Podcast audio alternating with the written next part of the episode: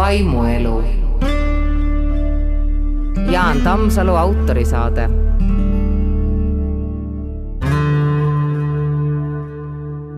head kuulajad, sain oma esimese saatega ühe korraliku õppetunni.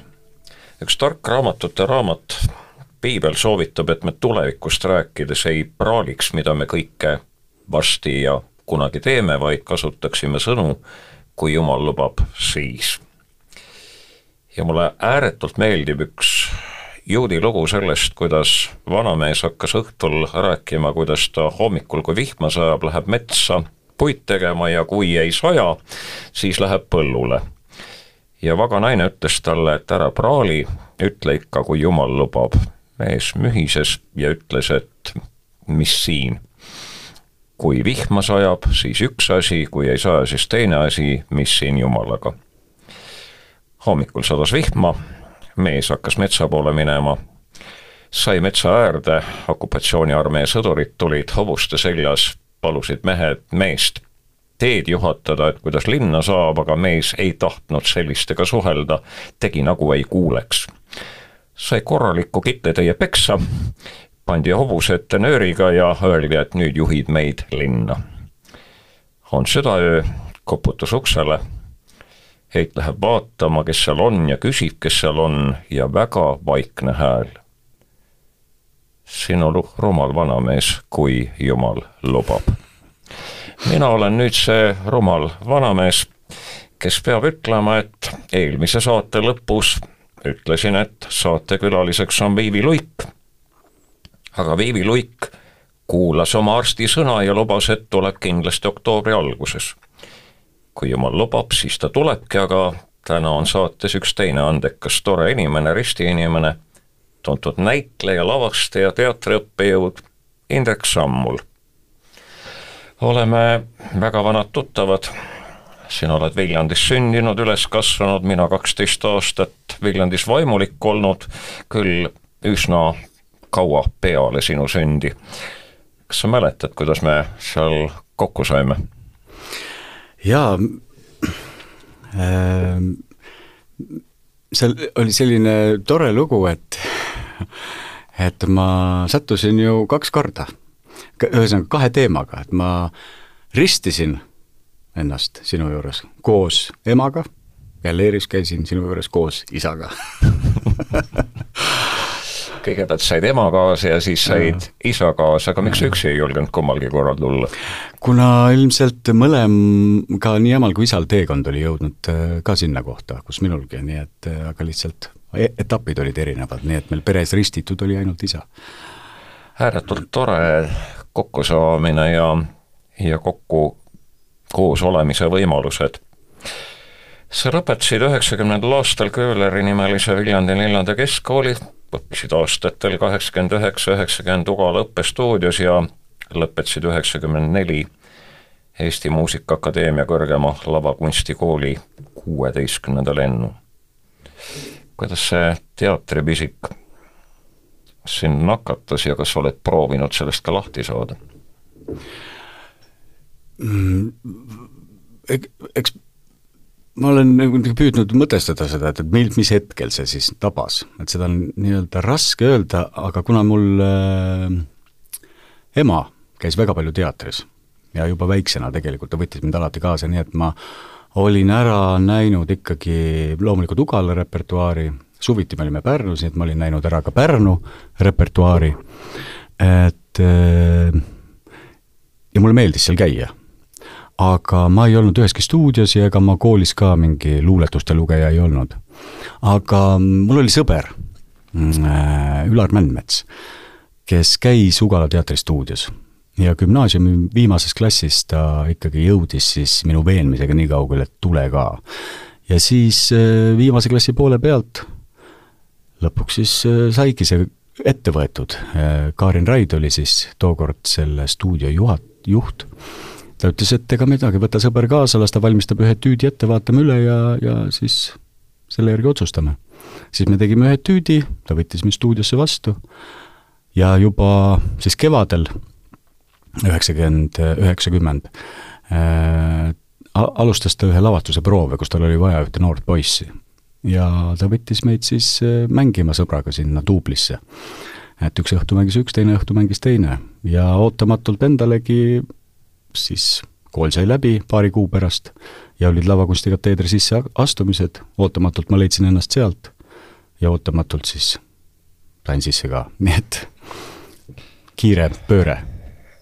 mul tuleb praegu meelde Viljandist üks kohutav hetk, see ei olegi unenägu.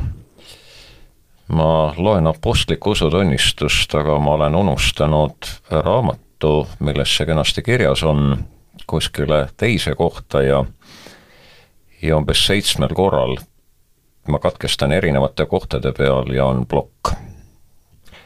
ja rahvas jääb ka vait. no võiks ju edasi lugeda, no nemad jäävad ka vait, mingi sada inimest kirikus lihtsalt vaatavad, kuidas ma blokeerun. ja lõpuks ma lõin käega, läksin siis käärkambrisse, tõin raamatu ära ja sain selle teksti, mida ma olin sinnamaani võib-olla üheksasada korda lugenud mm, -hmm. sain siis lõpuks loetud. Ja kui ma mõtlen näitlejate peale, siis minu meelest see on kohutav amet. nii palju teksti ja mitte lihtsalt teksti, vaid väga täpset teksti, sisseelamine, nii palju erinevaid asju.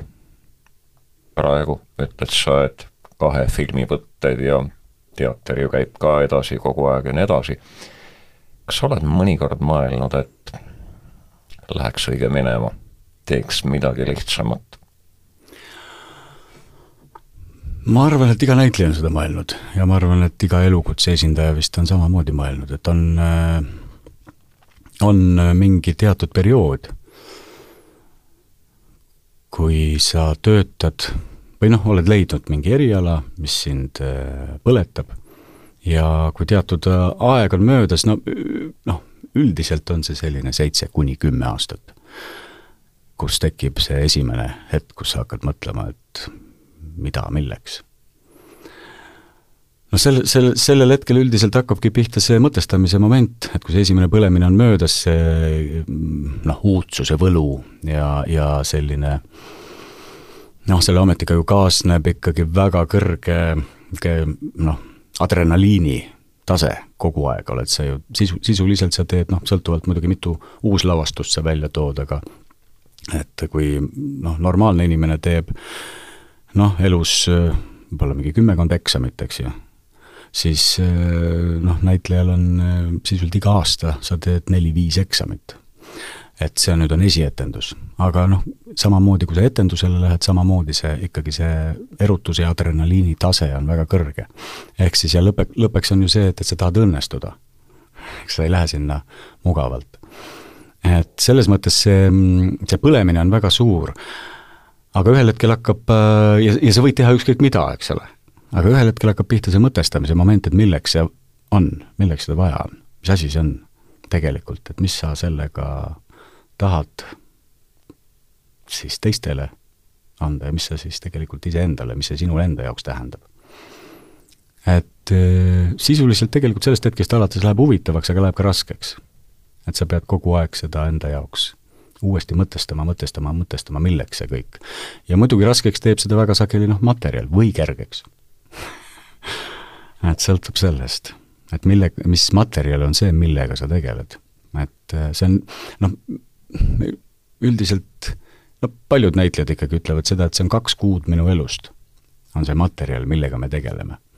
et kui selles materjalis on äh, midagi või sa leiad vähemalt sellest midagi, mis sind puudutab, mis sind põletab, mille pärast seda teha, siis on lihtne või kerge, kergem.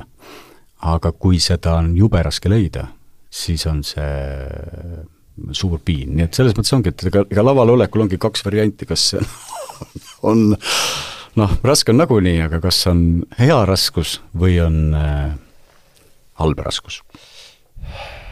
Mõnel korral on mul teatris olnud häbi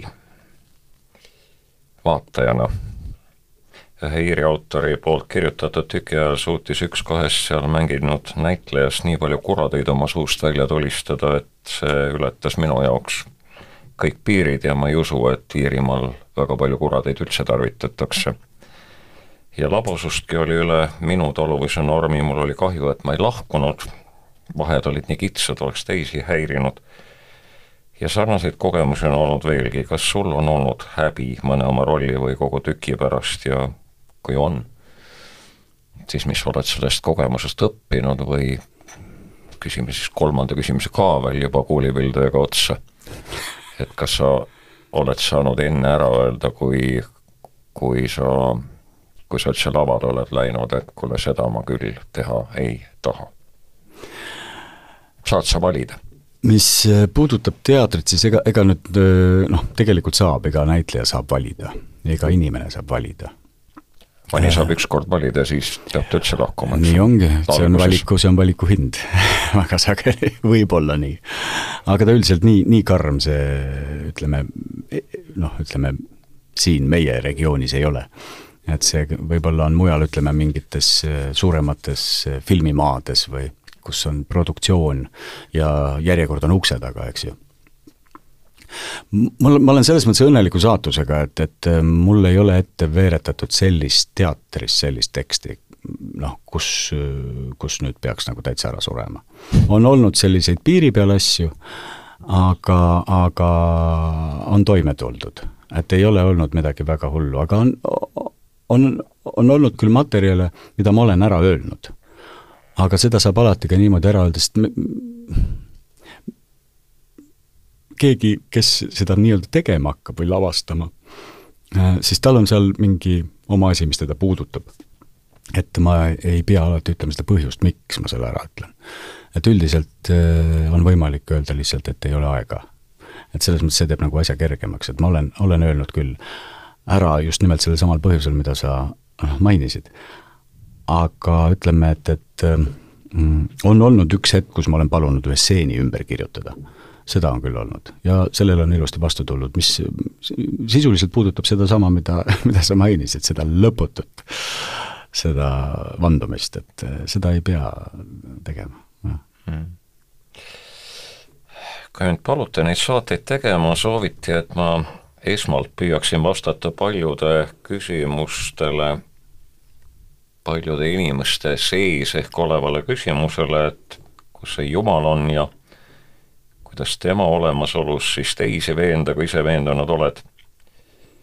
kuidas sina tema olemasolusse uskuma hakkasid, ehk siis usupisikuga nakatusid, kas kohtusid teatrikoolis mõne veidra usklikuga või käisid läbi kurbuse meeleheite koristiku või kuidas sinuga läks? jah, ma, ma arvan, et ma niimoodi ümber, ümber selle kiriku ma käisin eh, kuidagi nagu pikalt. no mitte väga pikalt, selles mõttes, et eh, noh, me ei saa nii-öelda elumõõdet nagu võrrelda, et kui ma mõtlen siin mingit gümnaasiumi aega ja natukene siis ülikooli aega, et, et noh, kui pikk see siis ikka on niimoodi elu, elu mõttes on see mingi neli-viis-kuus aastat, eks ju et ma ümber selle kiriku niimoodi ikka käisin, ehm, ma arvan, et mina olen, eh, kuulun nii-öelda sellesse ringi, kes, ehm, kellel on kõik hästi. ja kui on väga hästi, et su ümber on inimesed, keda sa armastad ja su, sul laabuvad kõik need asjad, mida, millest sa oled unistanud, siis tekib äh, ühest küljest tohutu tänutunne, mingi, mida sa ei oska suunata kuhugi. sa ei tea, mis, mis asi see on, aga see on sinu sees olemas. ja teine asi on selline väike nüanss või selline peen nüanss, on see mingi, mingi hirmumoment. et äkki see muutub äkki läheb käest ära. et siis on väikest kaitset vaja et see on selline mingi väike pe-, peenkäik sealjuures, mida ma olen hiljem nagu mõtlema hakanud, aga, aga sisse ma astusin sealt äh, kiriku uksest lõpuks ikkagi tänu oma siis tulevasele abikaasale. et temaga ma astusin esimest korda nii-öelda, ma tegelikult käisin jõuluteenistustel varem Viljandis Pauluse kirikus. aga, aga ütleme niimoodi jumalateenistusele astusin ma sisse siis koos oma abikaasaga, tulevase abikaasaga, et ma läksin lihtsalt tema sabas järgi ja siis nii läkski. see on nii kummaline, et äh, ma, ka mina kunagi ühel hetkel mõtlesin selle teooria enda jaoks välja, kui minu käest ka korduvalt oli küsitud seda, et kuidas, mis sinuga siis juhtus, et kas said sõjaväes peksa või noh, et tulid sõjaväest tagasi äkki, äkki, äkki siis leeri ja kirikuõpetajaks ja nii edasi. Ja ma ütleks ka, et tegelikult oli see tänutunne ja, ja, ja see, et noh, kellele sa seda siis ütled, et kõike emale ei saa ütelda, kõike ei saa õpetajatele ütelda, ei ole neid, kellele seda tänu, tänu ütelda ja tajuda, et tegelikult on, on tegelikult olemas ühel mm. hetkel. ja, ja fokusseerid selle üles ja kuidagi kergem hakkab, kui sa sellest tänust mitte nii-öelda lahti saad, vaid selle oled ära öelnud ja igasse päeva oled mõnegi tänu sinna ülespoole ütelnud, et see on kuidagi nii ilus vabanemise tunne, et et ilma selleta elada, ma ei tea, korjata kõik see tänu endasse ja käia sellega kogu aeg ringi ilma seda endast välja laskmata, see on, inimesed lähevad katki. nii ta, nii ta, nii ta vist on, et sinu kohta on kirjutatud, et olid kaua luterlane, no kaua sa pole elanudki, aga, aga kuskil oli kirjas, oled kaua luterlane, nagu oleks vähemalt saja kahekümne aastane, nii nagu sa ütlesid Plektrumis, et mõni sinust vanem näitleja ka on olemas veel, eks ole. aga siis sai sinust õigeusklik, et, et luterlane ja õigeusklik, kuidas see kuidas see muutus või kuidas kõigepealt luterlane, miks kõigepealt luterlane ja siis õigeusklik? Ma arvan, et see on nii, nagu Jumal juhatab, et eks ta juhatas alguses siis seda, seda teed kaudu, eks see, tal käib läbi inimeste ikkagi, need inimesed, kellega sa kohtud. eks sa ju nende inimestega koos äh, otsid. sest miks me kõik otsime tegelikult, noh, me noh, me sõnastame väga harva seda, et me otsime Jumalat tegelikult aga, ja siis see on see ajahetk, kuhu sind paigutatakse, et sa võtad sellest kinni või teed selle siis nii-öelda selle ukse, mis su ees avatakse ja sa lähed sealt sisse. aga see muutuse moment toimus äh, üleminekul ühest linnast teise, ehk siis äh, me olime Tallinnas ja me pikalt tiirutasime ka nii ühe kui teise kiriku vahel, me ei leidnud kogudust, kuidagi mm. nagu õiget kogudust, kuhu, kuhu jääda nii-öelda pidama ja siis ühel hetkel ähm, sattusime Pühtitsale ehk siis äh, kloostrisse. ja kuskilt sealt hakkas äkki ootamatult mingi tee avanema ja meil äratundmine, et jah, ja see kuidagi sattus ka niimoodi, et meie sõpruskonnast väga paljud sattusid samal ajal. ja ootamatult me leidsime sellise Eesti kogukonna ja see kuidagi ühendas, kuna meie sõpruskond ka liitus kõik sellega et see oli selline, ütleme selline sotsiaalne nii-öelda pind. ja teisest küljest noh, eks on igal, igal konfessioonil on omad sellised äh, eripärad. et äh, õigeusu kirikus kuidagi ma, ma, ma olen mugav inimene. ma olen hästi üli, ülimugav inimene suur üllatus. et äh, aga, aga see õigeusu traditsioonis on natukene nagu see, see karmuse moment, et sa ei, sa ei saa ennast nagu lõdvaks lasta, sa ei saa ennast nagu, nagu noh, kuidagi nagu mõnusasse kohta ära paigutada kuskile pingirea vahele, mida ma sageli nagu tajusin, et ma noh, tegelikult ei ole ette valmistatud äh, sakramendiks. ja, ja siis, kui sul ikkagi on heas mõttes see kohustus, et sa pead minema pihile. sa, aga sinna minekuks pead sa enne tegema nagu tööd endaga. sa pead tegelikult ka hakkama mõtestama, mis see, mis see siis on. mis, millega sa sinna tahad minna mm. -hmm. mis on need asjad, et sa pead selle selektsiooni-nädala selektsiooni ära tegema. ja siis seal üks nüanss veel, et sa pead ületama selle äh, tunde, sest eks seesama see häbifaktor seal mis selle kõige juures on, et sa pead selle sõnadesse panema mm -hmm. kõik ja selle üles tunnistama. ja, ja sellest momendist see, see nii-öelda selle protsessi noh, kuidagi see, mis toimub inimese nii-öelda vaimus sellel hetkel, kui see on nii-öelda verbaalselt ära tehtud ja sul, su sees on nii-öelda ka see kahetsuse moment ja, ja aususe kraad ja kõik, et siis sealt minna armulauale, et vot see kuidagi, see sobis. lüli nagu sobis, jah mm. -hmm. ja, ja sobis teile mõlemale? jah, jah, ja, just. stuudios on külaline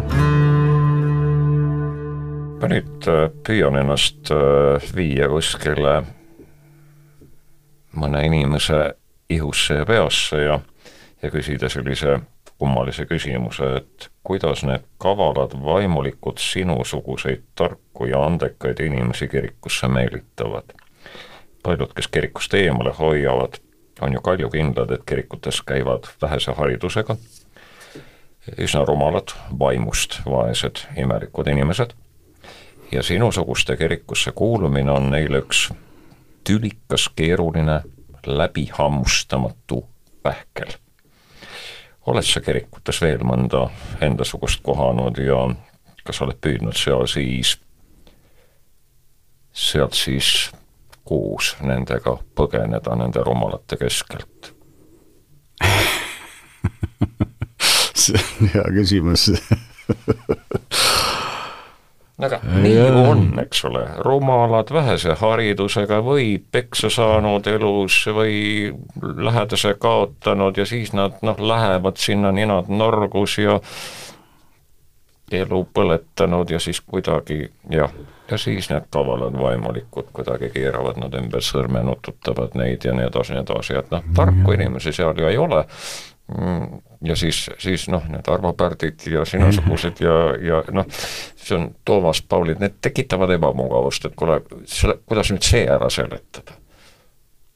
sa oled mõelnud, sa näed enda ümber seda, sa ütlesid, see sõpruskond, et seal ei ole ju algharidusega inimesi ja mõned algharidusega inimesed on ju geniaalsed tegelikult, et see ei ole ju rumalate koht või on? noh, vot sellega nüüd ongi see, et, et mida me, mida me otsime, eks ju, et, et, et, et kirik ei ole raamatuklubi, kus kõik arutavad raam-, mingi, mingi väga keerulise raamatu üle, eks ole, vaid jah. ja täpselt nii ongi, et, et kuidas me ütleme, ikkagi ilmselt need inimesed mm, noh, vot see on see, et me, me püüame, või mida nad püüavad, nad püüavad ju muutuda mm. -hmm. me püüame muutuda paremaks, tegelikult püüavad kõik inimesed muutuda paremaks. et sisuliselt eh, noh, me hommikul, eks ole, me ärkame üles, teeme silmad lahti, me ei mõtle ju esimese asjana, et me lähme keerame kellele mingi käki, vastupidi, me ju tahame, kohe halvasti, eks ole, lastele ütleme, et ka, et teist niikuinii asja ei saa ja mm. ülemusele viskame ka näkku, mis me tast arvame ja nii edasi ja mm. siis oleme töö ka kaotanud ja pigem vastupidi jah ja., et me tahame ju, ju head. et see iseenese äh, vaatlus, et mis see siis, mis see siis, kes ma siis olen või mismoodi siis olla see selline inimene, nagu ma tahaksin olla tegelikult. et äh, see vist on seesama kaasaja selline mingi nähtus, et see, et seesama, see mõõt on ära kadunud või tähendab, ta ei ole kadunud, vaid mõõt on muutunud, et mõõt on muutunud, et inimene on muutunud nagu kõige mõõduks. et ja võib-olla see ongi see vahe, et, et, et need inimesed, kes käivad kirikus, et nende jaoks äh, ei ole inimene mõõt äh,, vaid on midagi muud, on mõõt. et samas, kui noh, mõelda, et, et, et see see inimene ise noh, midagi, midagi nagu eba, eba niisugust nagu mõõdutumat eks ole, ei ole olemas, kui on inimene. noh, ta võib olla ühe korraga oma vaimus nii siin kui seal, ta tahab olla ühe korraga nii siin kui seal, ta tahab ühe korraga seda, seda, seda, seda ja seda. ta tahab veel seda ja seda, eks ole, lisaks sellele ta tahab olla, eks ole, no ja nii edasi, nii edasi, eks ole, see on lõputu, kui me hakkame nagu iseenda sisse vaatama kogu seda, seda mm, räga, mis meie sees on. et, et selle tarkusega, ühesõnaga sellesama tarkuse teemaga sealjuures on ka seesama, et, et võtame selle inimese mõõdupuuks ja, ja kui me võtame ka selle raamatu tarkuse mõõdupuuks, siis väga sageli selle raamatu tarkuse kaudu nagu mm, või selle teadmiste hulga kaudu äh, Äh, tekib meil see arvamus, et me teame jube palju, aga sinna on peidetud seesama selline, see kõrkuse juur. ehk me hakkame hindama lihtsalt teisi inimesi läbi selle, mida ta teab ja mida ta ei tea. et selles mõttes noh, täpselt nagu sa ütlesid, et seesama, seesama äh, mingi algharidusega noh, ma võtan kas või meie kogudusesse memmeke, eks ole, kes seal on, ta tunduvalt targem sageli kui nii mõnigi, mõnigi mitmekordse kõrgharidusega inimene, kellega sa võib-olla noh, paremal juhul no sa rohkem nagu elus kohtuda ei tahaks, et ühest korrast piisas. aga temaga tahaks iga päev koos olla. et, et need noh, see, see ei ole ka absoluut, eks ole, need on noh, et see on lihtsalt, et kõik ei ole nagu sellele, selle läbi mõõdetav. et seesama mõõdu küsimus, et, et ühtede jaoks on mõõt inimene, teiste jaoks on mõõt midagi muud, eks ole, kristlaste jaoks on mõõt Kristus. et see on see, kuhu ta minna tahab, milliseks ta saada tahab ja läbi selle ta peegeldab iseennast, oma tegevust, oma käitumist, oma tahtmisi äh,, mitte, et ta oleks äh, eksimatu, et noh, me ei ole ju eksima, kõik eksime kogu aeg, aga küsimus on selles, kus on see mõõt, mille poole me nagu püüdleme. et aga inimene on mõõdutu, ehk siis ma võin olla selline ja ma võin olla ka selline. sest ma olen inimene ja tema on kõige mõõt Saint-Exupéry on öelnud armastuse kohta, et, et see ei ole mitte vaid üksteisele otsa vaatamine, vaid koos ühes suunas vaatamine ja ja mul on aeg-ajalt tunne, et, et kirikus ikkagi on see ühes suunas vaatamine palju-palju tähtsam mm. -hmm. muidugi on tohutult kurb, kui me üksteisele üldse seal otsa ei vaata ja ei märka ühtegi kurba pilku või see Helena Rigby laul üks mu lemmiklugudest, kus, kus kaks inimest on nii üksildased seal kirikus ja kogu aeg nad on ju üksteise kõrval, aga üks ei märka teise kurbust ja, ja nii edasi, et et me peame seal, noh, oleks mõistlik, et me, et me läbi, läbi ka, läbi inimestega jõuame Jumalale lähemale ja mulle tundub, et Jeesus on selle kohta väga palju öelnud, et kui me läbi inimeste ei lähe, siis me tihtipeale ei jõuagi, et kui me ainult arvame, et me järjest vaimset treppi mööda muudkui, muudkui läheme ja on isegi, isegi need indogermaani muinasjutud on enamalt jaolt ju kõik sellised, et, et, et need kolm, kes saavad mingi ülesande, nendest kolmest ülesannet täidab alati see, kes neid, neid hädas olijaid seal tee ääres märkab hakkab, kuuleb, kes tegelikult takerdub kogu aeg, mida sa loll takerdud, mine täida oma ülesanne ära, eks ole. tee oma enesevaatus ära, pihta ära, võta oma armulaud, oled õnnis valmis ja nii edasi ja mida sa nüüd kummardad ta kohale, küsid, kuidas sul läheb, eks ole. et ta on sinust ju, no ma ei tea, tunduvalt rumalam või vanem või noorem või nõnda, aga see kogukond on tähtis. aga eelkõige ikkagi on see koos ühes suunas vaatamise kogemus hästi-hästi oluline, et jah, seal, see, sellesama teemaga haakub hästi see isakeste ütlemine, et sinu vend on sinu elu. et ja kui noh, mõelda sel-, selle sam-, sama peale, noh, millest sa räägid, mis, et tegelikult et see, see kogukond, aga me oleme nii-öelda seal kõik koos, aga, aga et kuna meis, meis kõigis on see Kristuse kuju, siis tegelikult Kristus kogu aeg su kõrval et kui sa, kui sa oma venda, selle, selles mõttes, kui sa teda ei näe või teda ei märka või ta, või, või lähed, lähened ainult läbi iseenda, siis tegelikult sa ei ei, ei pöördu Kristuse poole. et see, tegelikult see ongi see, see sama lihtsuse noh, tegelikult, tegelikult on see ääretult lihtne, aga jube raske oma igapäevaelus sedasama, et, et see, kes su, see, kes parajasti on sinu kõrval, see on su vend. Eks ole, mitte, mitte nüüd füüsiline, füüsiliselt, eks ole, või sugu, sugu, su-, soo, nii-öelda suguluse mõttes. no pühakuks tehakse inimesi tavaliselt hästi pikalt peale nende surma, et mingeid luukeerasid enam kapist välja ei ole kukkumas ja nii edasi, et, et mitte, mitte nüüd kohe, et keegi tuleb äkki välja ja ütleb, et et, et aga ta tegi seda või aga ta kõige teist, aga mulle väga meeldis see, kui Wittenbergis äh, Martin Lutheri majamuuseumi mm, trepi äh,, trepil ütles üks inimene, meenutas, et et aeg-ajalt oli Luter sealt alla läinud sealt trepist ja kui oli siis koputus uksele olnud ja, ja aega, aeg-ajalt oli ta hüüdnud oma Katariinale, et Kristus on meie ukse taga ja, ja küsib meilt äh, natuke almust, et, et ole hea, vaata, kas seal raha, rahakistus on midagi ja too talle midagi. Kristus ise on tulnud, nii et mul on võimalus mm, -hmm. mulle anti võimalus aidata. ja kui me need võimalused maha magame, siis, siis sa võid, sa võid neid äh, jumalateenistussi kui palju tahes läbida ja, ja silmad pahupidi nii-öelda taeva poole vaadata ja, ja panna klapid kõr-, vasakule-paremale, aga kas sa siis just ka Jumalale lähemale jõuad, võib-olla oled just ujunud kaugemale. selle Kus..., vabandust, jah, selle, sellesama pühaku teemaga on ju ka seesama asi, et tegelikult ega, ega neist enamused on ju teinud läbi väga keerulise teekonna oh,. et nad on ju noh, ja aga sealt need, seda, mis elulood on nii ühel kui teisel, et see on ikkagi ääretult keerulised saatused ja seal on ka erinevaid tegusid. aga seesama, see teekond sellest puhastumisele, eks ole mm -hmm., nii noh, et see ongi see kõige olulisem, see, see, see kahetsuse moment, mille nad läbivad. et sest noh, lõppkokkuvõttes, eks ole, esimene, kelle Kristus päästis, oli ju kurjategija. jah, jah, kes seal viimasel hetkel nii-öelda õige, õige, õige tee leidis. kui sageli ja milleks sa kirikutesse satud, sul on kogu aeg ju näitlemine ja ja tihtipeale laupäeva õhtuti ka ju pikalt ja, ja, ja pühapäeva hommikul mine kirikus on ju karm värk, et satud ka vahel või? Me ikka satume iga pühapäev ja ikka me püüame ikka seda nii palju kui vähegi võimalik, kui ei ole just noh, mingit kas väljasõitu või et on vaja kuskil ära olla, et me ikkagi püüame. no ja sama, samamoodi, kui on võimalik ka laupäeval või siis ka nädala sees mingitele teenistusse või kui on, kui on suuremad pühad või Aha.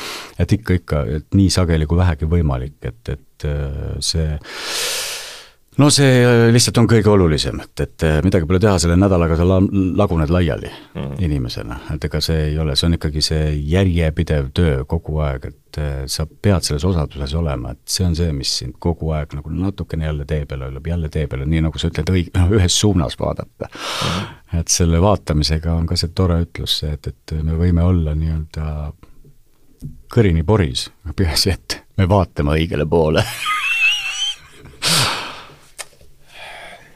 nii et äh, ei ole sinuga juhtunud seda, et kui, kui see sõda Ukrainas algas, et siis oleksid kuidagi teinud sellise kirikupaastu, et et tulema korraks ikkagi selle keerulise küsimuse juurde, et et kuidas sa oled selle enda jaoks nagu ära lahendanud, selle Moskva patriarhaadi õigeusu kirikusse kuulumise mm -hmm kuidas? jah, aga ütleme niimoodi, kui see sõda algas, see oli ikkagi ääretult keeruline meil kõigil, seda, seda oli ju koguduseski tunda. et see mingisugune kummaline selline kuppel, mis kõigi kohal oli, oli väga ikkagi segadust tekitav. loomulikult noh, me tegime ju ka pöördumise Äh, patriarhi poole ja omapoolse, omapoolse sellise suhtumise me või, või sellesse kõigesse andsime väga selgelt edasi.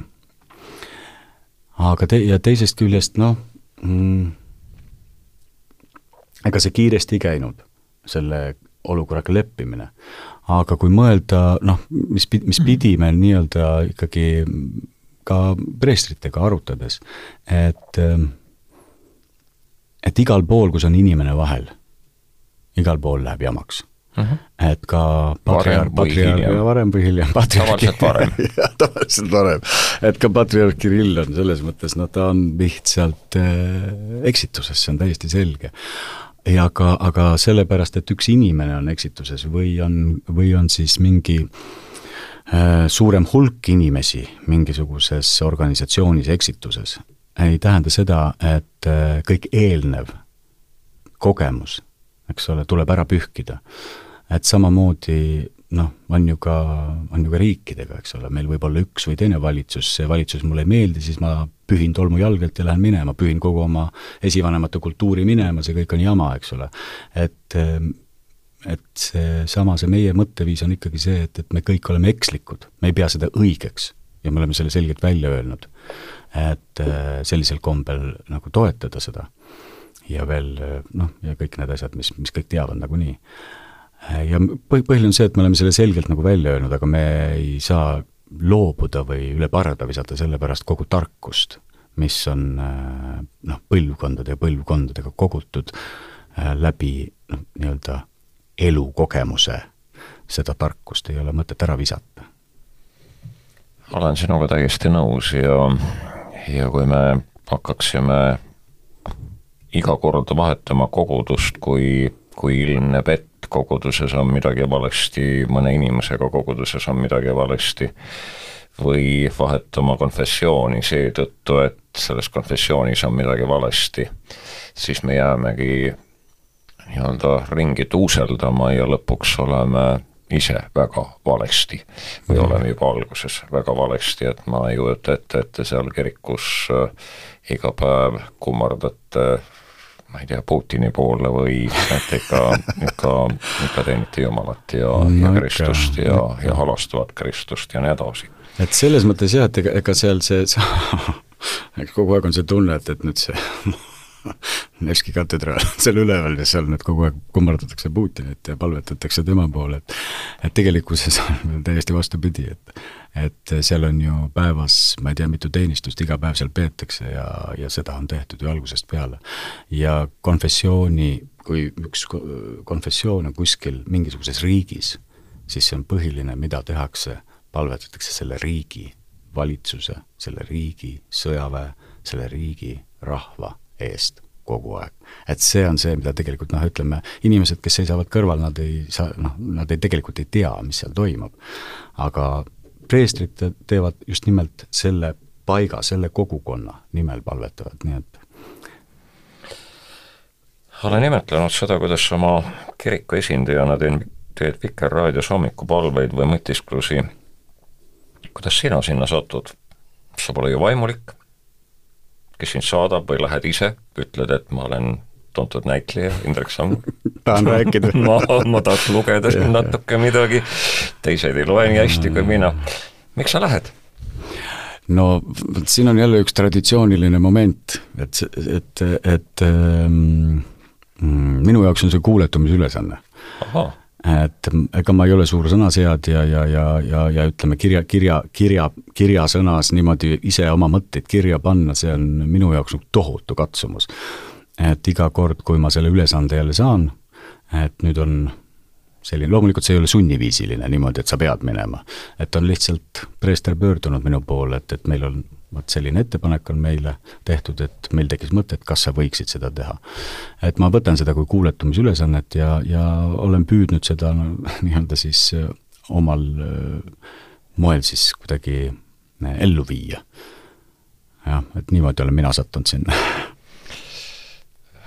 ütlen juba kuulajatele ette ära, et, et kui Indrek siin saate järgmises pooles ei minesta, teda välja ei kanta kuidagi või nõnda, et siis äh, ma olen palunud, et, äh, et seekord võiks olla see lõpumõtisklus äh, hoopis tema poolt, sest et tagasihoidliku inimesena jah, ta ütles, et ta ei ole suurem asi sõnaseadja, aga ma võiks öelda, et ta on ikka väga hea sõnaseadja, aga aga eks te siis ise pärast hindate ja üldiselt ei ole see ka ju mingisugune hindamise küsimus, lihtsalt laseme mõtetel, mõtetel voolata, aga tegelikult on need mõtted juba kirja pandud. et äh, kuidas, kuidas sa selliseid hommikumõtisklusi, hommikupalveid ette valmistad ja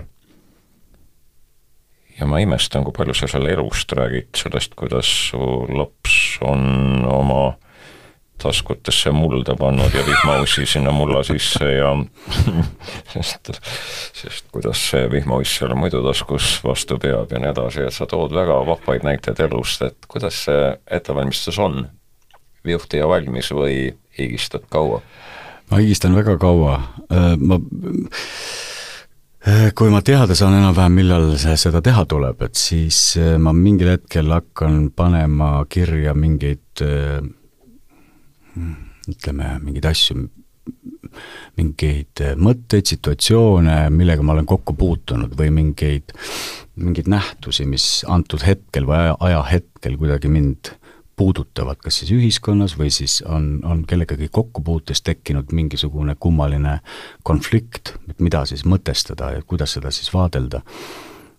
ja, ja siis eh, enam-vähem sealt hakkab selekteeruma äh, et kui sellele mingi aja pärast sellele mõttele uuesti otsa vaadata, et see oli see teema, see võib vahel olla lihtsalt paari sõnaga. et kas ta uuesti käivitub minus, see protsess, mis mul tol hetkel oli. et siis ma võtan sellest kinni ja püüan siis seda hakata arendama. et äh, niimoodi, niimoodi ta käib. aga ütleme, et kui natukene laiendada, et, et nagu sa ütlesid, et selle elulise poole pealt, et et kuna ma olen, no ma, ma arvan, et me tegelikult kõik oleme, et me ikkagi peegeldame kõike läbi enda, eks ju et siis ma vaatan seda elu ja ma peegeld- või siis ükskõik millega ma olen, ma suhtestan kogu aeg läbi enda, et kuidas mina oleks või mida mina teeks või kuidas ma, kuidas ma sellesse või teisesse suhtun või kuidas saaks nagu muuta või iseennast või noh, ühesõnaga ma kogu aeg peegeldan läbi enda. et võib-olla, võib-olla sellepärast on ta noh, ütleme selline natukene tundub nagu eluline, et, et ma võtan mingi situatsiooni ja siis ma vaatan, mis, mis see, mis see tähendada võiks nii-öelda pika, pikas perspektiivis vaimuelu.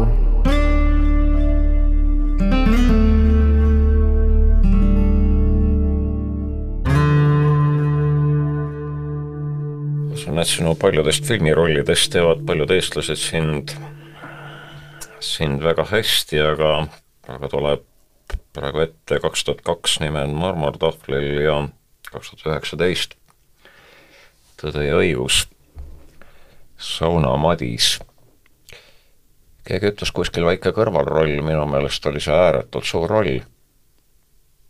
või lihtsalt mängisid selle suureks. Sana Madisel on üks kummaline teooria, miks Andres Vargamäel nii kurjaks muutub. ja see on seotud pühakirja lugemisega. mäletad? jah. Mis ta seal ütleb? ma nüüd nii täpselt ei mäleta, aga ma mäletan selles mõttes seda, seda, seda mõtet.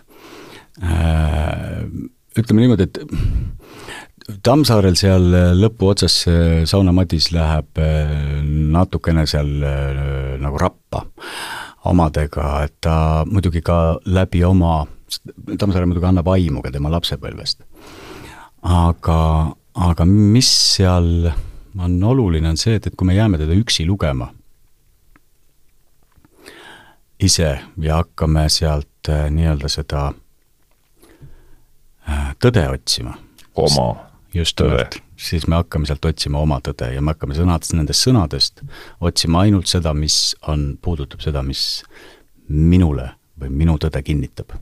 Ja see on see ohtlik tee ja see on jälle see teine, teine pool sellest, mis me alguses rääkisime, et milleks kirik, eks ole mm. -hmm. et see just ongi see, et, et ja ma ei jääks kinni sellesse oma tõtte, et mul ole, et ma, et ma saaksin näha seda sõna tegelikult, mis on kirja pandud ka, ka muus valguses, et ma ei vaata seda ainult, jaa, et ma ei vaata seda ainult läbi enda mm. -hmm.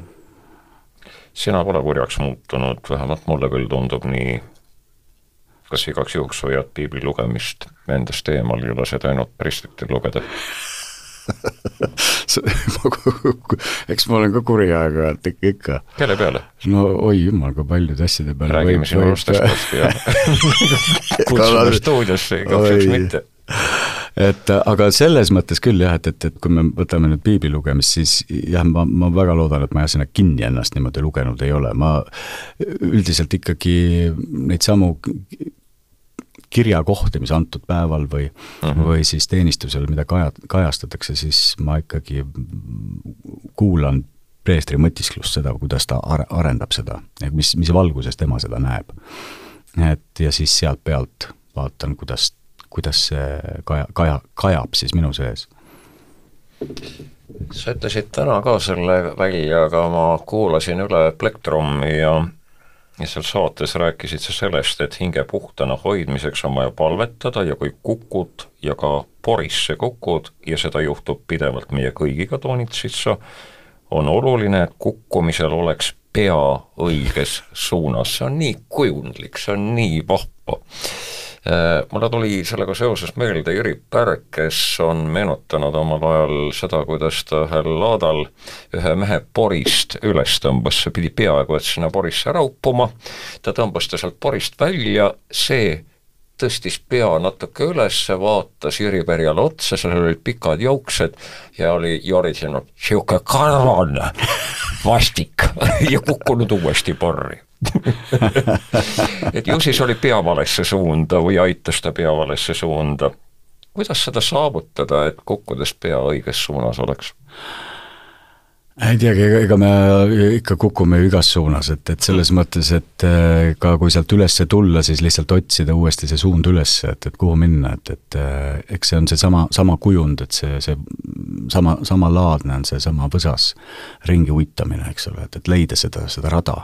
Et see rada uuesti üles leida, et kuhu minna, et me lihtsalt noh, eksime siin elu rägas ära, siin ei ole midagi teha, sest elu on niivõrd rikas, ta annab meile ette igal hetkel jälle uus situatsioon, jälle uus situatsioon, sa pead kogu aeg seda lahendama, kogu aeg suhestuma, kogu aeg.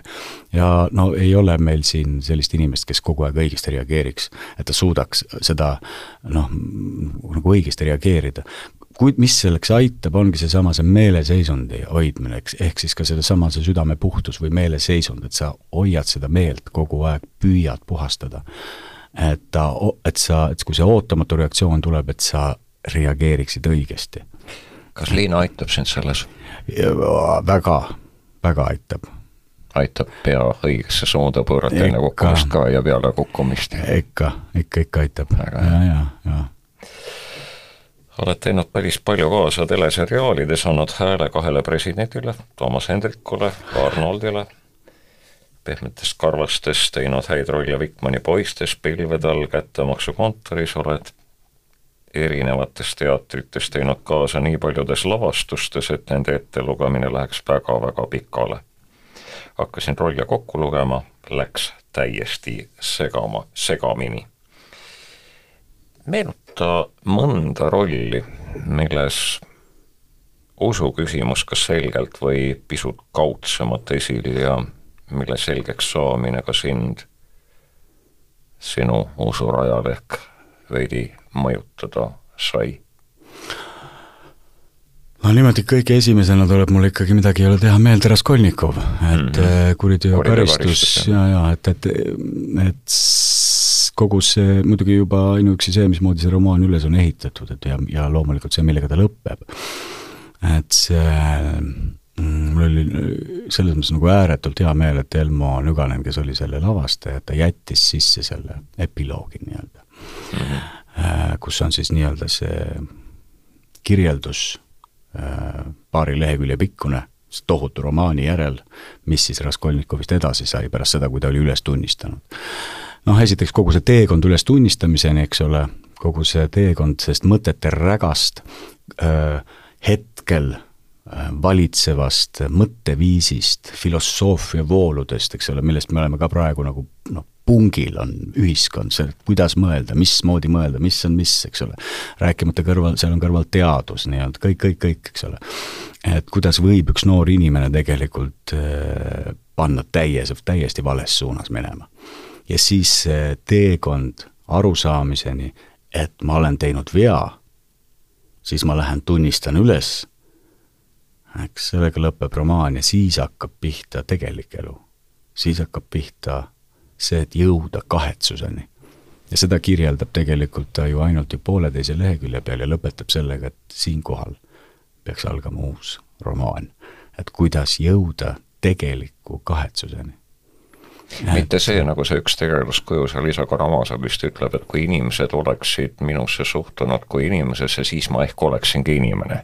mitte ajada kõik teiste kaela, eks ole, vaid jõuda isikliku kahetsuseni ja,. jah, jah, jah. ja vot see on see, mis ta ütleb ka seal ilusti, et see on nüüd, nüüd algab teekond mm. -hmm et siis selle, et kõigepealt ära kanda see karistus, mis on nii-öelda siin meie elu mõõtmes, eks ole aga siis juba igaviku mõõtmes elada ülejäänud elu ja liikuda selles suunas, et siis seda heaks kõike teha, mis sa teinud oled. peatume hetkeks ühel sinu rollidest Ugalas Amadeus, Antonio Salieri, elame tühistamiste, ärapanemiste, pealispindsuse maailmas. kuidas sul oli olla Salieri nahas peas kadeda helilooja rollis? jah, see oli üks põnev teekond. et eh, noh, ütleme, et seal on tegemist muusikamaailmaga, eks ole, aga, aga ega selleks ei pea olema muusikamaailm, ei pea olema teatrimaailm, võib-olla selleks võib olla ka õpetajate maailm, võib-olla ka, ma ei tea, pankurite maailm ükskõik mis maailm, et need, et keegi on minust parem, eks ole, see kadeduse moment on igal pool. on võim-, noh, võimeline, võimalik tek-, tekkima, eks ole. ütleme, et, et võib-olla see muusika ja, ja ütleme, kunstimaa, noh, Äh, pärusmaa on selles mõttes nagu, nagu võimendatud ja ta on rikas, sest ta on kogu aeg, on inimesed üksteisega koos ja kogu aeg käib selline noh, vaata, et, et see, see, see, see riist, millega sa, või see mänguriist oled sa ise, eks ole, ja siis milline mänguriist noh, leiab kiiremini, milline mänguriist nagu äh, avaneb kiiremini, milline mängib paremini, milline on paremini nähtav kuhu, eks ole, publik istub saalis, sa teed oma arust kõik hästi, aga kõik vaatavad teise nurka. sest ta lihtsalt, lihtsalt ta teeb midagi, millest sa aru ei saa, miks või mängib lolli seal nurgas, kuna tema koht on see see on teine teema jaa, aga kui ta teebki paremini paugutada ja nii edasi. aga kui ta teebki paremini, vaat, et siis, siis vaat, vaat sealt pealt, et et seesama Salieri, eks ole, kes tegelikult noh no, kes oli ju täpselt samamoodi, et kirjutas vaimulikku muusikat. Ja väga andekas, just hiljuti kuulsin ühte tema muusikaplaati, väga hea laulja esituses, uskumatult ilusad teosed. tal on imelised teosed mm, -hmm. jah. ja siis ilmub sulle sinna kõrvale üks andekas nalk. jaa, kes lihtsalt pillab varrukast mm -hmm. ja kes ongi, lihtsalt ta saab, ta ju, ta ju saab aru, et ta on tast parem ja see, see, see, mis temas nii-öelda tekkima hakkab, et mis, mis mind võlus sealjuures, oli, oligi just noh, mina lahendasin seda tegelikult niimoodi, et ta armastab seda Amadeust, seda Mozartit nagu, nagu poega, aga ta, ja võitleb kadedusega. Et vot seesama, see, see, see kahesus, mis inimeses toimub, ta, ta nii tohutult jumaldab seda inimest, selles mõttes ta, mitte jumaldab on vale sõna, vaid ta, ta hindab, ta hindab teda mm -hmm. ja kogu tema loomingut, aga ta ei suuda vastu panna sellele, et ta on tast parem. et mm -hmm. see, see kahesus ja see on meis kõigis olemas. et Salieris lihtsalt ta ilmutub nagu hästi kontsentreeritud kujul. et ta võitleb kogu aeg tegelikult iseenda kadedusega ja kuni siis noh, selle lõpuni välja. Et eh, see mind võlus, vot just nimelt see võitlus. kunagi oli teatri tegemine midagi sellist, mida kirik, vähemalt katoliku kirik, karmilt eitas. näitlejatel ei olnud armulaual asja mu meelest ja pihile võisid ju minna, aga siis pidid ütlema, et enam teatrisse ei lähe. Kas sa oled mõelnud selle peale, et miks seda tol korral nõnda tehti või, või mis sellel, nendel kirikujuhtidel peas oli, et nad seda teatrit nii, nii hindasid, et ei kõlba, nagu tolliametnikud omal ajal Jeesuse ajal, Jeesus korjas mõne neist lausa oma õpilaseks, aga, aga ikkagi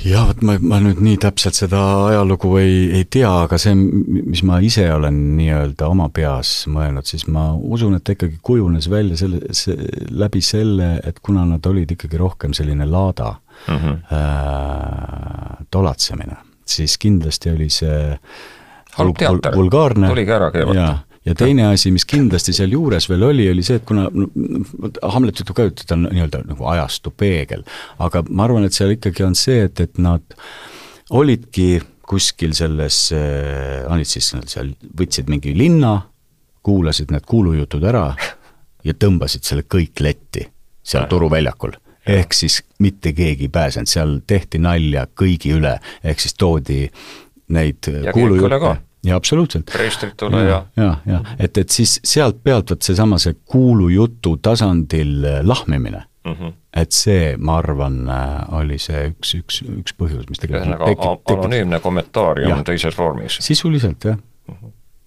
võib-olla tõesti. miks sa ikka veel lavale lähed? sinna kohtuma lähed, nii ääretult palju tekste pähe õpid, võõraste inimeste nahkadesse, peadesse poed. miks sa ikka veel lähed? Mis sa ei ole selgeks saanud? ega, ega selgeks ei jah, ega selgeks ei saagi, sest ütle, ütleme, et kui vähegi mööda mingi ametiteekonda edasi minna, siis äh, ikkagi sa avastad kogu aeg mingisuguseid uusi vahendeid endas, et nii, nagu ma enne ka ütlesin, et, et näitleja noh, midagi ei ole teha, ta, see mänguriist eks ole, muidu on meil viiul, eks ole, sa võid seda õppida ja õpivad ju ka viiuldajad noh, eluaeg, et läbi kogemuse ja kõige. et meil on, on tegelikult sama asi, et me tegelikult avastada, kui me ei jää mugavaks ja seisma, on, on väga palju endas. noh, teine asi on, on kindlasti see, et et midagi ei ole teha, seal teatris tegelikult toimub ka teatud müsteerium. et äh, et kohtuvad ikkagi kaks maailma, kohtuvad nüüd publik ja kohtuvad siis näitlejad. ja see teater iseenesest ju sünnib tegelikult seal vahel. et ta ei sünni ei ühel ega teisel pool, vaid ta sünnib selle mingi koos sünergia ja koos, koos energiavahetuse käigus, et see, kui midagi juhtub, siis ta juhtub seal vahel, ehk siis see kokkusaamise moment, kus publik ja, ja siis see, mis laval toimub, näitlejad saavad nagu kokku. iga kord erinev Eh, ta no ütleme niimoodi, et, et see on see, mis sind sinna tõmbab, et see juhtuks. et sa tahad seda kogeda. et see, et me saame kokku uuesti, et me saame jällegi, kui sa oled seda kogenud, siis see on see noh, ütleme niimoodi, et see on see selline, see on see ideaal, kuhu sa noh, et sa tead, et see on võimalik, kui see on juhtunud su elus kui see ei ole juhtunud, siis muidugi ma ei tea, mis tõmbab inimesi. aga, aga kui see on juhtunud, siis sa tead, et see on võimalik ja sa, ja sa tahad seda taas saavutada seda, seda kohtumist, eks ole. et eh, see on, see on üldiselt see selline ma pean nüüd üles tunnistama midagi oma seniilsuse kõrgema astme, kohtume, kohtume.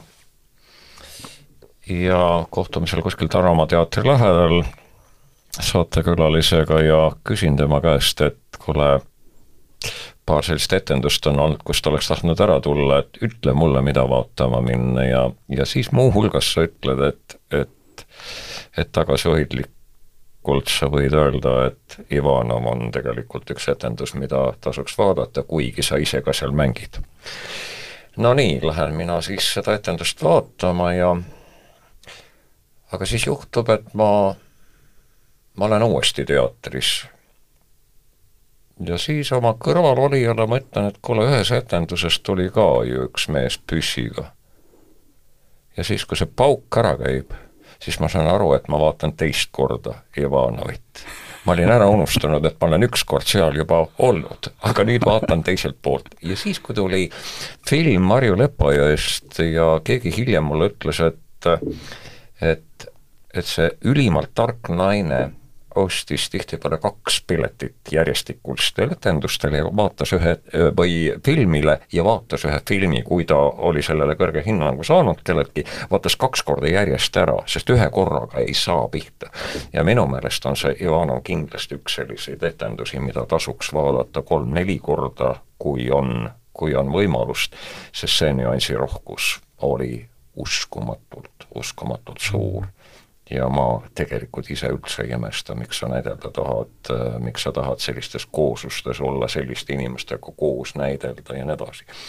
aga, aga nüüd üks asi veel, kohtun mina Andrus Vaarikuga Stockmannis ja me räägime pool tundi. lihtsalt seal tõmbame natuke kõrvale ja ma kiidan teda ühe Tšehhovi rolli eest, näidendi rolli eest, Neganeli lavastus või kelle lavastus see oli, ja ja kiidan ka teisi näitlejaid ja kogu seda etendust ja, ja siis istume me Nüganeniga siis raekojas ja saame mõlemad siis kahekesi Tallinna vapimärgid, väga kõrged autasud ja Nüganen ütleb mulle, et et Vaarik rääkis järgmisel päeval proovis kõigile sellest, kuidas sa teda ja teisi tänama läksid. ja mina mõtlesin, et mis, mis asi toimub, et kas sellest ei piisa, et inimesed tõusevad, aeg-ajalt tuuakse lilli ja kõik plaksutavad ja nii edasi, ja siis mingisugune vend läheb ühele näitlejale juurde kuskil, näitleja jääbki pooleks tunniks seisatama, kuuleb ära selle kiitmise ja ja nüansid ka, mille eest kiidan ja nii edasi, ja siis ta läheb, räägib veel teistele ka kõigile veel ära, kas te saate liiga vähe kiita või? Jaani kirikus näiteks mitte kunagi mulle ei plaksutata plaksutada, absoluutselt pole üheksateist aastat töötasin, mitte kunagi ei tõustud püsti, mitte kunagi ei plaksutatud ja nii edasi, ja, ja, ja teile kogu aeg plaksutatakse, tuuakse lilli ja šokolaadi ja mida kõike veel ja siis, siis veel seal riiulite vahel, veel mingisugune imeasi kuidas selle tagasisidega on tegelikult? no vot, siin ongi, selles mõttes on seesama nüanss, et, et üks asi on see mm, nii-öelda, mis toimub pärast etendust, nii-öelda etendus lõpeb, on aplaus, on siis, kas on, ei ole lilled, šokolaadid, eks. aga teine asi on see, et, et äh, lõppkokkuvõttes mm, et on, on, on teatavad iga, igas lavastuses on mingid teatavad teemad või mingid asjad, mida sa loodad, et nad jõuavad saali. kas nad nüüd tegelikult jõudsid või ei jõudnud ja tegelikult need teemad, ega nad ei ole ju lahendatud Need on tegelikult väga, väga sageli on need küsimused sinus enda sees, et millega sa tahad tegeleda, eks ole, või siis mis valguses sa oled mingisugust teemat vaadelnud. et kas see tegelikult jõuab või ei jõua. Ja eks kui sa kohtud kellegagi, kes tuleb sulle ligi, võtab nööbist kinni, ütleb kuule, kuule suur tänu, tead, mulle õudselt meeldis seal vot see, see, see asi. Ja siis sa saad aru, et see tegelikult oli see, mis jõudis kohale sest muidu ta jääb ikkagi ebamääraseks, jääb selliseks, no ta jääb, ta jääb, ta jääb tänuks, kõik on nagu tore, aga seesama, sest see, see, ega see mõttevahetus on ju ikkagi, ta on, noh, ma ei saa otseselt rääkida publikuga juttu, et kuule, mis sa arv-, mis sa arvad elust, eks ole, mis sa sellest ja sellest arvad? Ivanovis, sa kõnnid ju sealt äh, mööda käsipuid ja sa võiksid ju peatada, ütleks, kuidas meeldis ja, ja kuidas kas saite aru, saite, saite aru, millest lugu rääkis? Tore, aga jõuame kolme viimase asjani. kõigepealt mõlemad olete näitlejad Liinaga, Liina Olmaruga. muudkui näitlete ja kas kodus läheb edasi näitemäng, kas võtate rolle koju kaasa? või olete leppinud kokku, et enne koju ei tule, kui roll on täiesti maas ja ei räägi ka omavahel teatrist, et püüate seal hoida koju, koduteatri vaba. ja, ja ei, ikka et ähm, kuidas nüüd öelda, et siin, siin nii-öelda tulebki ühest küljest appi seesama äh, kirik. Hmm.. et tege-, et, et me elus ju võtame ka igasuguseid rolle et äh, ükskõik siis, ega see ei pruugi olla ainult näitlejaamet, vaid see võib olla ka mõni muu amet, õpetaja jääb ka väga sageli, eks ole, tuleb klassi eest ära ja kodus õpetab edasi. või siis äh, mõni firma juht juhib kodus täpselt samamoodi edasi. et see on ka rollis olek, eks mul on käratatud kodus, et ära. sa, sa ei ole enam, sa ei ole enam koosolekut juhatamas, jah et, et, et selles mõttes ongi seesama moment, et iseenda sees aru saada, et, et, et me tegeleme millegagi, mingite teemadega väga pikalt. et ja, ja et, et neid kätte saada, et neid noh, paratamatult me äratame endas ellu teatud noh, ütleme, see on kummaline vastuolu, me tegelikult tahame, eks ole, ennast emotsioonidest puhastada, me tahame ennast saada vabaks, aga samas meie elukutse on selline, kus me peame neid otsima, me peame ise välja kiskuma, mis on kõige hullem. me peame ise neid otsima selleks, et saada seda tõepuudutust, ütleme, kätte. et kui midagi sünnib, siis noh, see, see tegelikult on, ütleme, et kui, kui ka publik sellest saab samamoodi osa, siis see ongi nii-öelda nagu, nii-öelda nagu tõepuudutus. aga me otsime, me käivitame neid endas. aga et, et, et kas see on meile nüüd kleepunud külge, et selleks on nii-öelda vot seesama, see enesepeegeldus läbi siis äh, kiriku, pihiga, sakramentide, et see aitab seda puhastada, kogu seda pilti. et ega me tegelikult, ega me ei tea, mis rolli me oleme endale siin aeg-ajalt võtnud. et see ja, ja kas me sellest oleme lahti saanud või ei ole või, või me muudkui süvendame seda, et, et see on ikkagi väga-väga kaval ja peen asi on see vaimu ja, ja hinge ja maailm. Theodor Timoteus, Susanna, kolm tuttavat nime mm. -hmm. kolm last, kes on teie armastuse hõlmas ja teie kasvatada, kes keda tegelikult kasvatab jah, nii on, nemad kasvatavad meid. eks me püüame omal moel nii-öelda hoida mingisuguseid piire, aga ütleme, inimesena kasvatavad muidugi nemad. me püüame võib-olla oma mingi kogemuse pealt hoida teatud asju kontrolli all või, või et ära sellest asjast rohkem üle mine või nimetame seda jah, kasvatuseks, aga üldiselt kasvatavad nemad meid jah, inimesena tunduvalt, tunduvalt rohkem, et eh, selle aja jooksul noh, ma ei tea, kas ma olen õppinud, aga ikka püüad kogu aeg õppida, kuidas, kuidas selle isiksusega käituda ja võtta teda kui seda isiksust. kuidas uuesti lapseks saada, mida Jeesus ikka õpetab, mitte täiskasvanuks, vaid ikka, ikka lapseks ja siiraks ja, ja vahetuks ja silmad on seal küll väga ilusa peegeldusega, et, et sealt seest tuleb midagi, midagi, midagi last, lapsest kind küll. aga Lena, lõpuküsimus, ma püüdsin aru saada, kui palju oled sa saanud igasuguseid väga kõrgeid autasusid, lugesin kusagilt kokku, et üheksateistkümnel aastal on sulle omistatud mõni väga suur või pisut pisem tunnistus ja ainult kaheteistkümnel aastal pole sa mitte midagi sellist saanud. üheksateist aastat vähemalt mingisugust parim mees, osatäitja või kolleegipreemia või väga võimsad. Ja siis kaksteist aastat pole mitte midagi saanud ma ei küsi, kumbadel aastatel on olnud keerulisem elada, vaid küsin, kuidas sulle mõjub tunnustamine ja teiste tunnustamine ja enda mittetunnustamine. kas saad hakkama, kas saljeeri tõuseb, ei tõuse, kas häbi pärast tahaks maa alla vajuda, kui jälle tunnustatakse ja teist ei tunnustata, keda oleks tahtnud, kuidas hakkama saada? no jaa, ega, ega eks selle, see on võib-olla kõige parem äh, niisugune õppetund ongi tunnustuse saamine.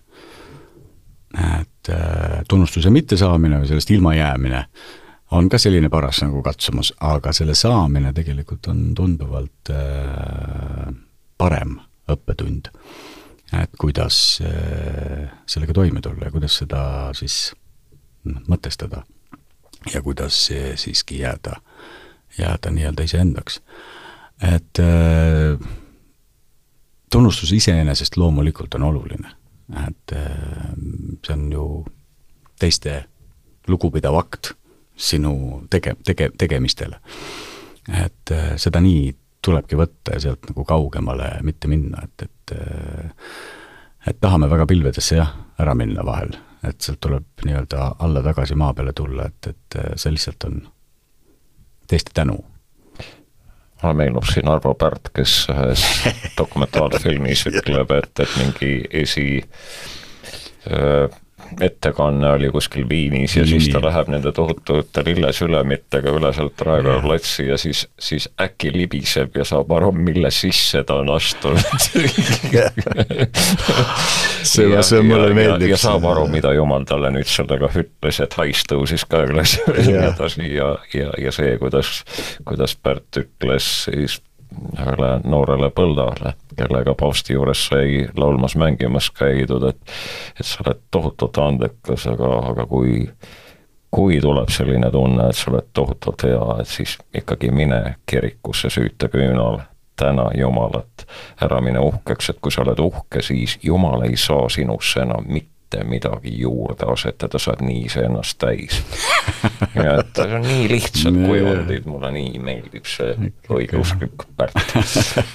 aga nüüd äh,, mina olen ka laisk, sa ütlesid, et sa oled väga laisk, mina olen ka ja ma demonstreerin seda tänase mõtiskluse, mida peaksin mina tegelikult pidama, peab tegelikult Indrek Sammul nojah, ma loodan. kui ta uhkeks ei ole vahepeal läinud jah, ma loodan, et äh, jah, et, et seal on mõned äh, noh, mõtted, mis haakuvad ka tänase meie vestlusega. mõtisklus. mida me tahame kirikust? või mida me otsime kirikust? kui me läheme toidupoodi, siis me läheme ostma toiduaineid. kui me läheme autoremonti töökotta, siis me läheme autot parandama või autole korralist ülevaatust tegema. kui me läheme panka, siis läheme laenu võtma või makse maksma ja nii edasi. aga miks me läheme kirikusse? kas peame sinna minema, et palvetada? võime ju öelda, et palvetada võin ka mujal, ükskõik kus. kas peame sinna minema, et puhastada südant? ka seda võin ma teha ise ja mujal Lähen inimese juurde, kellega olen halvasti käitunud või kellele olen liiga teinud, palun vabandust ja saan edasi minna. kas Jumal mulle siis ei andesta? kindlasti andestab. seega milleks siis kirik? see suur organisatsioon oma kindla hierarhilise ülesehitusega. oma hoonete, ja ajast arust traditsioonidega. kui Jeesus küsis jüngritelt, kelle ütlevad inimesed inimese poja olevat, siis vastasid jüngrid talle, et inimesed nimetavad sind väga erinevalt. Jeesus küsis siis edasi, kelle teie arvate mind olevat? Peetrus vastas, sina oled elava Jumala poeg. ning Jeesus ütles, sina oled Peetrus ja sellele kaljule ehitan ma oma koguduse. see on meie maise kiriku sündimise hetk. kui me läheme kirikusse otsima hingerahu või läheme otsima abi mõne raske olukorra lahendamiseks või läheme palvetama oma lähedaste eest, siis me läheme sinna midagi saama. kui läheme sinna ristima oma last ja kui küsida, miks, siis vastatakse sageli, et oodatakse kaitset õigeusu isakesed ütlevad, et kui me läheme kirikusse ainult selleks, et saada, oleme me langenud oma mugavuse lõksu. me justkui otsime kaitset oma enam-vähem toimivale elule. aga Jumal kutsub meid enda juurde. Jumal ja inimene pöördub kirik. kui mõelda ristimisele, siis see on ühest küljest ju suremine. vana langenud inimene meis sureb ja sünnib uuele elule. aga sureb. Jeesus ise on selle läbi teinud ning läbi selle tõusnud uuele elule. Ainult läbi selle saame me võimaluse uuele elule. ta kutsub meid vaatama oma silmadega, kutsub meid tundma oma meeltega, kutsub meid suhtuma ümbritsevasse nii, nagu tema suhtub. me läheme kirikusse kohtuma elava Jumalaga sellel kohtumisel ühendab ta kõiki meid, kes me oleme oma igapäevaelus end teineteisest eraldanud. Meid eraldavad kultuurid, rahvused, meid eraldavad poliitilised vaated, kelle poolt sina oled, kuidas sa ühte või teise nähtusesse suhtud, mida sina arvad. Meid jagab eraldi ka majanduslik olukord, sageli ka haridus. kurb, aga haridus on sageli üks kõrkuse kasvamise alusmüüre. igapäevaelu kisub meid teineteisest eemale. kirik on see koht, mis kogub meid kokku. siin seisab kõrvuti teadlane ja kojamees. seisavad rikas ja vaene. kirik on koht, kus elav Jumal ja inimene saavad üheks läbi armulaua salasuse. õigeusu isakesed räägivad seemnest. me oleme seemned. et vilja kanda, peab seeme surema. kasvatama taas seemneid. aga mida seemnest saab? Seeme muljutakse puruks, see jahvatatakse jahuks, hästi peeneks-peeneks. seejärel sõtkutakse taignaks. vähe sellest, ta pannakse veel tulle ja alles siis võib temast küpseda leib. lõhnav ja värske leib. sama on ka viinamarjaga. see nopitakse, tallatakse jalgade all puruks, temast pressitakse välja kogu mahl, terve teekond, enne kui temast saab vein. armulaua sakramendis ühineme me mitte ainult elava Jumalaga, vaid ka läheneme taas teineteisele. me peaksime kirikusse minema nii, nagu kadunud poeg läks tagasi koju, mõistes täielikult oma eksirännakuid, alandlikult ja ilma ootuseta sealt midagi saada, vaid sooviga teenida ja leppida. siis annab isa talle kõik. vaimuelu